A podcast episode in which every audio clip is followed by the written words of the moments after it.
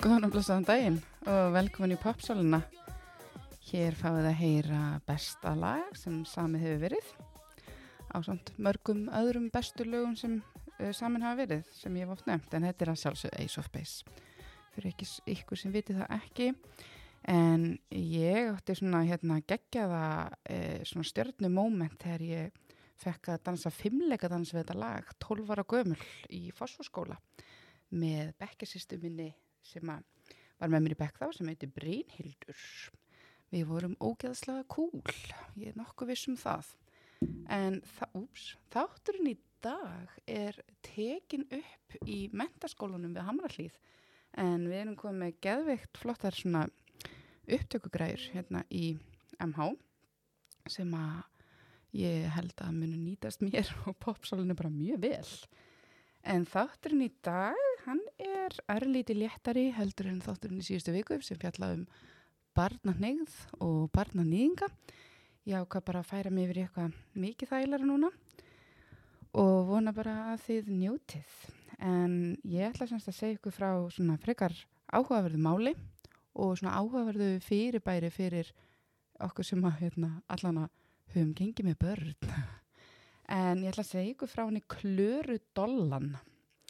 En Klara Dollan er kona frá Krikkelvút í norðvestu London og hún vaknaði einanóttina upp við gríðalega mikla verki í kviðnum um, já það var um fjöguleitiða nóttu til.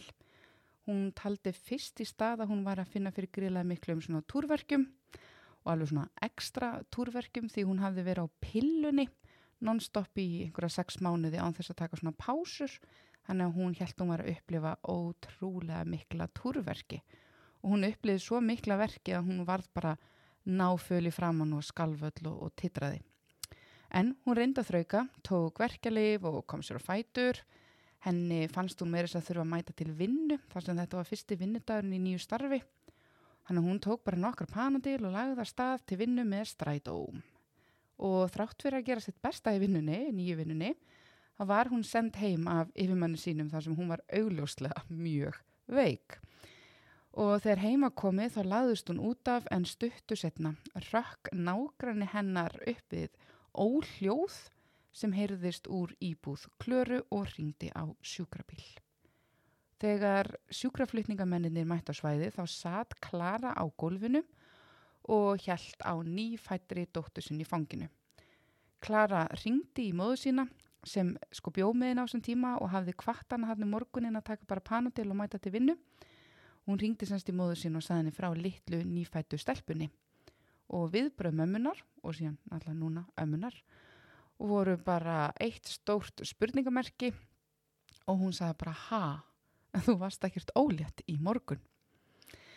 Já, já, já, já, já, sem sagt svona uh, þetta fyrirbæri, ég veit ekki hvað að kalla þetta, uh, getur við kalla á íslensku mögulega leini meðganga eða afneitunar meðganga. Þegar maður finnur upplýsingar um þetta á netinu þá koma hugtök eins og cryptic pregnancy og fleiri orð. En þetta er fyrirbæri sem ég finnst svo ótrúlega áhugavert, sérstaklega í ljósi þess að ég finn sjálf svo sannlega fyrir því þegar ég er ólétt. Ég veit næstum því af því áður en ég verða, þannig að mér finnst þetta ótrúlega áhugavert að ímynda sér einhvern veginn hvernig fjandanum ekki sé þetta vita veginn meðgöngu og í heila nýju mánuði. En váka komur samt og óvart hvað þetta var í rauninni algengt, en samkvæmt Google eru svona leini meðgöngur eða cryptic pregnancies eða denied meðgöngur nokkuð algengar eða um cirka ein af hverri 475 meðgöngum og þessar meðgöngur uppgötast ekki fyrir ná cirka 20. viku og síðan er það ein af 2500. Það er uppgötast ekki fyrr en í fæðingunni sjálfri. En hvernig gerist þetta eiginlega? Ég, eins og ég segi, þá veit ég, uh, þá í rauninni verði ég uh, mjög fljótt var við mínar meðgöngur. Ég veit í rauninni að ég er ólétt bara um leið og sæðis frumann hilsar ekkinu mínu og ég ligg með fætur upp í loft og þú eru alltaf að fara fram úr þess að pissa. Uh, þá bara veit ég að ég er hann ólétt. Þannig að hérna, ég á mjög erfitt með að ímynda mér þetta og og hérna, ég meiri segja sko með meðgöngu einkenni oft eða upplifi meðgöngu einkenni bara við það eitt að ímynda mér að ég sé mögulega ólétt. Hann ég hreinlega kveiki á ógleði og túrverkum og brústaverkum bara við það eitt að hugsa um það hvort að ég gæti mögulega verið ófrísk. En sem sagt, í tilfelli klöru þá hafði hún hægt með kærastunum sínum, pappa sérstaklega litla stelpunar sem fekk nafnið Amelia. Hún hafði hægt með honum fimm mánuðum fyrir fæðinguna og Klara var sjálf vunði að fara ekki á blæðingar og líkt og ég nefndi áðan þá hafði hún líka verið á pillunni non-stop og því ekkert stoppað pilluna neitt til þess að fara á blæðingar. Hún hafði bætt örlítið á sig en ekki tengt það við neitt annað en kannski bara sambandslitin og vanlíðan í tengstum við það. Og hægt er að finna myndafinn á netinu sem var tekinn þremu vikum fyrir fæðinguna og þá ættun að vera gengin 37 vikur á leið og það sést ekkert og þá meina ég bókstálega ekkert á henni. Á sama tíma þá líti ég út eins og geislandi glimmer skreittur kvalur fallegur kvalur kannski en, eh, en kvalur engu að síður. En ekki hún Klara. Og Klara talaði um að ekkert í útliti hennar benti til þess hún var ólétt. Hún fann ekki fyrir neinum enginnum engin ógleði, engin verkir ekki neitt. Og hún sagði í viðtölum að það að vera ólétt, það var bara svo ótrúlega fjarrri einhvern veginn eh, huga hennar að það kom ekki eins og upp í huga hennar þegar hún byrja að fá verkið þarna um nóttina. Uh, og hún rauninni fattaði ekkert og hún var ólitt fyrir hún var komin ótrúlega langt inn í virka fæðingu. Og það var þá fyrst sem hún fór svona spáið og hún rauninni sko, hún fór í rauninni ekki að spá í hún var í ólitt og var í mögulega eignar spatt fyrir en sko líka minn sjálfur uh, grýpar hann inni og byrja bara að rempast og hún gæti ekkert stoppa þetta, hún var bara búin að breytast í þannig að já, einhverja, hérna, eitthvað dýr sem er að rempast, þetta gerist bara svona sjálfur sér og þá fyrst hugsa hann, oh shit, hér er eitthvað að gerast og hún sér bara hérna hausinn koma út og hún var bara í sjokki. En eins og ég sagði á þann, þá eru svona meðgöngur ekki eins sjaldgæfar við höldum. Klassísk dæmi um svona er til dæmis þegar kona er komin á miðjan aldur, jápil búin að eignast nokkur börn, börnin orðnir sko kannski úlingar og jafnvel fullorðin. Konan er farin að missa úr blæðingum og svona sem er kannski bara eðlilegt á þeim aldri. Og konurnar halda þá eðlilega hér séu bara tíðarkvörf að hefjast. Og örlítil þingdaraukning er jafnvel bara mjög algeng á þeim tíma þannig að konur þóttar hafa jafnvel sko gengið með nokkur börn og ættu að þekka einkennin, þær spotta ekki einkennin þegar þær eru búnar að finna aðra skýringu á þessu öllum saman í haustum á sér. Breytingarskeiðu, skilji. Þannig að þegar þú heldur að allt sem þú ert að upplifa sé eitthvað annað en ólétta, þá er erfitt að einhvern veginn komast á þann stað að átta sig á því að maður er óléttur. Um, mér finnst þetta samt en þá svo skrítið. Ég hugsa til dæmis hvað með reyfingarnar, hvað með þið veitir þegar fóstur er að reyfast, akkur finna það ekki. En venjulega byrja mæður að finna fyrir reyfingum í kringum 20. viku Þannig að mér þetta ennþá pínu skríti og ég hugsaði bara okkur okay, samt í alvörunni hvernig gerast þetta, hvernig gerast þetta bara og, og konu veit ekki að vera ofriskar. Uh, og líka sko, ef maður hugsa bara, það eru til fyllt af konun sem eiga ekki vonaði að vera ofriskar en uppgötaða samt þegar það verða síðan óvart ofriskar. Þannig að þetta er ekki þannig bara eitthvað að þú átt ekki vonaði þá tekur ekki eftir, þú veist það er ekki þannig. Þannig það er ekkert að skella skuldinni alfarið á bara að þið gruna ekki og gætu að vera ófrisk núna. Þetta fer venjuleg ekki fram hjá manni. Og margi vilja meina svona leini meðgöngur séu rauninni svolítið svona andlegt fyrirbæri, svona salfræðilegt fyrirbæri. Og fræðumenn eru þá alveg á því að það er ekkit endla við um allar. Og þótt að meðgangar sjálf séu sjálfsög mjög líffræðileg þá er það að verða móður eða að verða fóreldri, það er líka sálrænt ferli, það er líka félagslegt ferli og mögulega er þá meðgangar sjálfa einhverju leiti líka sálræn. Líkt á ég nefndi á þann að, að hérna, þegar ég var að reyna að verða ólétt þá var ég bókstala alltaf ólétt. Ég, ég fann raunverulega enginni hvern einasta mánuð án þess að vera orðin ólétt þetta var bara mjög sálrænt. Og ástæðan fyrir því að ég vildi taka þetta umfjöll, umfjöllunar efni aðeins fyrir er að svona sögur e, þar eru talda svo sérstakar og jáfnvel svolítið svona e, litið á þessa konur sem upplega þetta sem eitthvað svona skrítnar eða jáfnvel eitthvað heimskar eða eitthvað slikt og þetta verður að einhverju svona headlines þið veit í slúðurblöðum og kommentakerfi tekur alveg helja stökk af einhverju svona ógeðisæði og, og það eru þáttaraðir gerðar um konur sem viti gera óléttar og, og hérna, einn þáttaröðin sem heitir uh, I did not know I was pregnant. Þetta var það einhverju svaka vinsala efni út í held í Breitlandi voru gerðar alveg fjóra serjur af þessu. Og fólki finnst þetta áhugavert, fólki finnst þetta spes og já, og kannski eðlilega. En, en maður svona spyr sig hvað hérna, hvernig, hvernig getur þetta einhvern veginn gerst? Og, og líka bara þetta sko venjulega einhvern veginn fer meðganga ekkert fram hjá manni. Þannig manni finnst þetta svo ótrúlega skrítið og bara erfitt að skilja hvernig svona miklar líkamlega breytingar uh, eiga sér stað án þess að konurnar uh, gruni nokkuð. Og Klara hefur til að mynda sjálf talað um það að, uh, að eftir hennar einslu þá fóru margir að líta á hann öðrum augum. Fólk talaði veist, einhvern veginn svona niður til hennar fannst hún vera eitthvað heimsk. Sumir trúður hennilega bara ekki sögun hennar uh, og hún bara upplýðali mikla fordóma í sinn garð. Og þegar hún segir fólkið, veist, hún hafi ekki fundið fyrir neinu, hún fann ekki fyrir neinu verkum, engri ógleði, upplýði ekkert svona kreifings eða neitt þannig þá samt svara aðra konur bara hvernig fjandanum gasta ekki vita þetta. Þannig hún klara talar um þessa fordóma og svona einhverja svona já, neikvæða, neikvægt viðhorf sem að hún er að upplifa eftir þessa reynslu sína.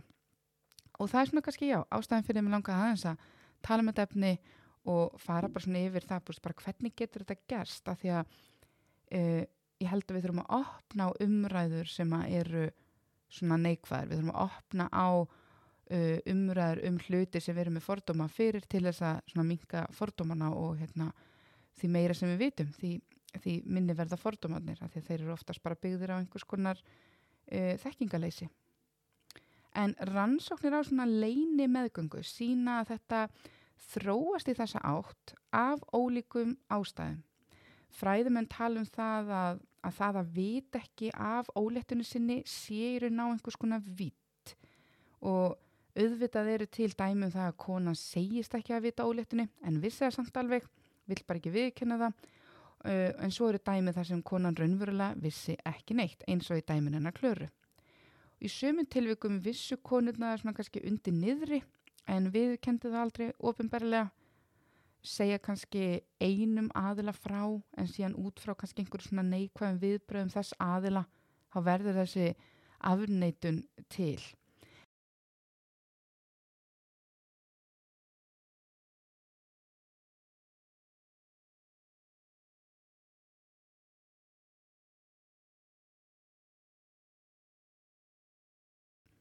Í grunninn að hjá þessum konum sem að hérna vissu ekki af óléttunum sinni eða svona hefðu kannski örlítin grunn um óléttu en íttin einhvern veginn svona frá sér að í grunninn var alltaf eitt kvat til staða sem var ótti og bara óháð því hvar á vittinni um afneitununa þær voru stattar þá var einhver ótti þar, ótti, þar voru hrættar við eitthvað. Og í sömum löndum þar sem til dæmis er bannað að vera ólétt utan hjónabands að þá er þetta gríðalega mikil ótti sem að ítti undir þessa afneitun. Og einn eru tengsla millir þessa lendi einhvers konar áfalli til dæmis uh, nöðgun og eða þess að upplifa svona uh, kynferðstætt óbeldi og eru tengsla millir þess og að lenda í eða upplifa svona leini meðgöngu. Og í einni rannsókn, svona viðtalsrannsókn við konur sem hafa upplifað þetta komið ljós að 11 af 30 höfðu sannsagt upplifað kynferðslegt ofbeldi, nöðgun eða heimilisofbeldi. En í sömum tilvikum voru konurnar svona hálf meðvitaður um ólettuna en vegna fordóma í samfélaginu gagvart konum sem eruðu óléttar utan til dæmis hjónabands þá íttu þær bara þessari vittnesku svona eða bara út úr meðvitund. Uh, þess vegna er þetta líka oft kallað denial pregnancy, svona afneitunar meðganga, þótt að eigi ekki alltaf við. Og í sömum tilvikum þá kannski poppar kannski alveg upp þessi hugmynd í huga þeirra, bara svona, hmm, allir þessi ólétt. En það er ítaði jafn óðum út af uh, borðinu því að mögulega er það bróð mikið áfall, skilja, þetta er mögulega bróð mikið breyting í lífinu Uh, þetta getur því líka alveg gæst upp ákveðinu marki bara hjá konun sem eru ekki tilbúnar fyrir óléttu. Voru kannski bara upptekna við eitthvað annað í lífinu voru bara ekki alveg tilbúna fyrir þessa massa lífstílsbreytingu sem að nýtt bann er. Og með þetta í huga uh, þá sést hvað það er mikilvægt að opna þessu umræðu og nálgast hana kannski á svona mannúðlegri máta og taka þetta svona stigma í burtu. Og aðri þættir sem hafa líka áhrif er svona uh, áhugavert ferli sem að margar konur sem hafa upplöðað þetta lýsa. En þá í upphafi þá grunu þær kannski alveg ólettu grunu alveg að það væri ófriskar tóku mögulega próf sem voru alltaf neikvæð og þá er rauninni íta þær þessari pælingu bara út á borðinu Enginn eru mögulega bara mjög léttvæg, þau veitir bara ekki mikil ógleði, ekki mikil þingdaraukning og þegar staðin er svona þá er svo auðvelt að hundsa það eða tengja bara þessi mjög svo léttvæg og enginni sem það er upplifa bara við eitthvað annað. Ef að prófið er alltaf neikvægt, skiljið mig, svona fyrst í stað, við erum kannski ekkert að taka prófið marga mánu. Hann er létt, morgun ógleði, gæti þýtt flensa eða streyta eða bara eitthvað álag það að fara ekki á blæðingar, það getur þýtt bara óreglulegu tíði, tíðarhingur, það getur þýtt að breytingarskeiði sé að hefjast, það getur tengst streitu, það getur tengst getnavörnum og svo mörgu mörgu öðru. Og konu sem er í grunninn með óreglulegan tíðarhing eða upplifa jafnvel smá blæðingu almennt á meðgöngu eru líklegri en aðra konu til þess að upplifa svona leini meðgöngu og konur sem eru kannski lengi búin að vera að glýma við uh, frjósemisvanda og eru jafnvel farin að nálga spreytingarskeiðið eru einni líklega til þess að lendi í þessu. Þú er kannski búin að reyna að verða óleitt í 10-15 ár og þá er það rosalega erfitt að trúa því að það gerist síðan svona óvænt og konur sem eiga það til að uh, fitna jafnvel yfir magasvæðið og konur sem eru nú þegar í mýgri kantinum þær eru líka ólíklir til að sjá kannski bumbun að stækka. Hún er kannski verður ekki eins svona óléttuleg. Staðsetning fóstusins hefur líka áhrif. Ef fylgjani til dæmis framsett þá er ólíklar að kona finni fyrir spörkunum og slíka því að fylgjani fyrir. Og konur sem eru með ímis konar svona tíðarhingjavanda eins og PCOS eru einni líklari til þess að lenda í leini meðgöngu af því að tíðarhingurinn er þá svona óreglulegri og eglós geta komið í rauninni á ólíklegustum tímum. Og svo eru þetta bara þessi hópur sem að nota getnaðarvarnir, til dæmis að taka pilluna eða eru á likkunni og eiga því enga megin vona á þessu. Og lókum er það síðan hópurinn sem er kannski nýlega búin að egna sparn. Líka mann er ennþá mjúkur eftir síðustu meðgöngu, það eru alls konar hormón í gangi alveg eðlilegt að vera ekki byrjar á blæðingum þannig að þarna geti meðganga vel farið fram hjá mörgum konum. Mér finnst þetta alveg meika svolítið sens, ég held að hérna, sérstaklega eftir meðgöngu þá ertu með alls konar verki og, og alls konar líka minn er að gera alls konar skrýtna hluti. En af hverju mikilvægt að ræða þetta? Sko, uh, ég, ég, ég ákvaða nálgast þetta efni bara að því mér fannst þetta fyrstulega áhugavert. Ég er oft búin að hugsa bara hvernig er ekki ekkert að vita á sért óléttur. Ég, bara, ég átti svo erft með, með að skilja það. Ég veit um eina íslenska konu sem að semst, vissi ekki að var ófrísk fyrir hún bara hún var komin einhverja 8-9 mánu á leið og ég bara skildi það ekki. Og ég uppliði líka að ég hugsaði neikvægt um það. Ég hugsaði bara hvað, þú veist það hlýtur að hafa eitthvað afhjáðinni. Þannig ég uppliði mína eigin svona innri fordóma síðan fór ég að lesa mig til og ég var að skoða og sjá hvernig þetta ferli einhvern veginn getur verið. Þá fyrir svona að skilja þetta betur og ég fann svona mína fordóma aðeins minka í kjölfarið. En endaði síðan á því bara að þetta er samt alveg ótrúlega mikilvægt af því að, að því að ef að konur vita ekki að, af eigin meðgöngu eða komast að meðgöngunni og eitthvað mjög seint inn í meðgönguna þá er það líklegri til þess að vera ekki búin að fara í skoðun, það eru ekki búin að kíkja til læknis, það eru ekki að hýtta ljósmaður, það eru mögulega að drekka og, og reykja og gera alltaf þessar hluti sem við venjulega mælum ekki með að verðandi mæður sé að gera. Þannig að þið veitir þess að lækna heimsóknir, skoðanir, sónar og allt þetta, þetta vantar þá allt. Og börn sem fæðast eftir svona óvænta meðgöngu, þau eru líklega en önnur börn til þess að fæðast til dæmis fyrir tíman þau eru, líkleg, þau eru líka líklegir til að vera léttburar, þau eru semst uh, í léttar í kantinum. Uh, og svo má bara ekki gleyma því að kona sem veit ekkert að hún sé ólétt fyrir en fæðing fyrir að stað. Hún er mögulega ekki eins og nálagt uh, sjúkrahúsi eða ljósmaðurum eða læknum þegar allt fyrir gang og fær þá ekki til þetta réttu þjónustuna sem hún þarf fyrir fæðinguna. Og annað sem er kannski líka bara mikilvægt í þessari umræðu er að konur sem hafa upplifað þetta, að í svona viðtölum við þær, þá tala þar um það hvað þetta er mikið áfall. Og þetta kveikir alls konar, alls konar bara tilfinningum og þar verða bara mjög ringlaðir. Það skilji ekki einhvern veginn hvernig þetta gætt gæst og þar eru áhyggjufullar og hrættar bara um heilsu barsins og að lókum þá tala líka bara um að það er upplifa eins og þær hafa mist af einhverju, þær mistu af svo ótrúlega mikilvægu tímabili í lífinu.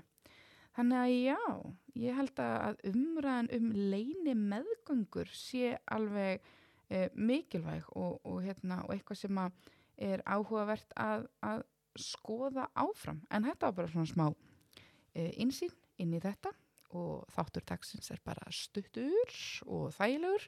Ég hafa búin að sekka mér svo svaka lóni í badnanýðinga í síðasta þætti að ég ákvaða þessi þáttur í þessari viku er þið svona í léttari kantinum. En ég er með aðra mjög áhugaverða þætti á tekniborðinu handikur og smá aukaefni fyrir þá sem eru áskrifundur. Ég held ég sem er 13 áskrifundur núna og ég er gríðlega þakklátt fyrir mína 13 áskrifundur og auðvitað væri gaman að vera með fleiri, ég var gaman að sjá hver verður nú með 15, jafnvel 20 og það er að gerast sem sagt áskrifandi af popsálinni inn á patreon.com fyrir 5 eurur á mánuði.